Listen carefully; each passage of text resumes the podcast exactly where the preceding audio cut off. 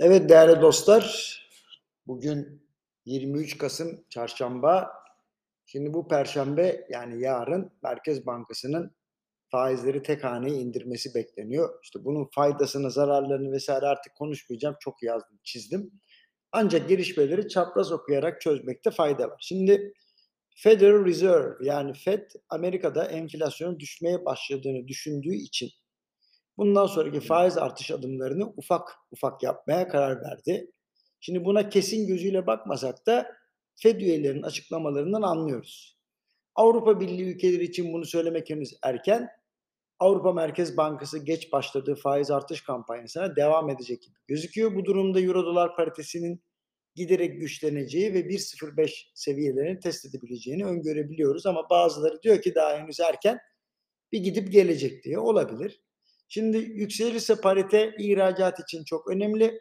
Parite kaynaklı zararlar ve kayıpların telafisini sağlayacak bir paritenin cari dengeye de fayda sağlayacağı aşikar.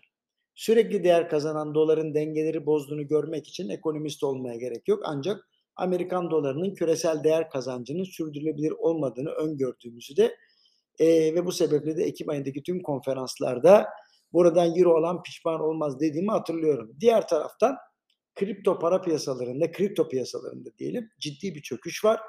Merkeziyetsiz değiş tokuş değerlerinin düzenlemeye tabi olmasını söyleyenler bir tarafta, gerek olmadığını söyleyenler diğer tarafta tartışmaya devam ederken yatırımcıların servetlerinin eridiğini görüyoruz. Yani e, milyarlarca dolar eriyen varlığın yanı sıra hisse senedi piyasalarında da şelale düşüşü beklendiğinin sayısı arttı. Beni en çok düşündüren e, 2008 krizinden az önce hisselerini tamamen satmış hatta açık pozisyon almış ve ciddi para kazanmış olan bazı spekülatörlerin bugünlerde yine gardını aldığını açıklamış olması. Böyle bir sosyal medya kampanyası var. Ne kadar sattım biliyor musunuz? Ne kadar açık pozisyondayım biliyor musunuz gibilerden. Şimdi tüm bu karışık haberler fazla para bağlamadan işlem yapma güdüsünü arttırıyor ve nihayetinde volatilite her gün artıyor. Neredeyse 24 saat tetikte olmamız gereken bir süreç içinde olduğumuzu görüyorum.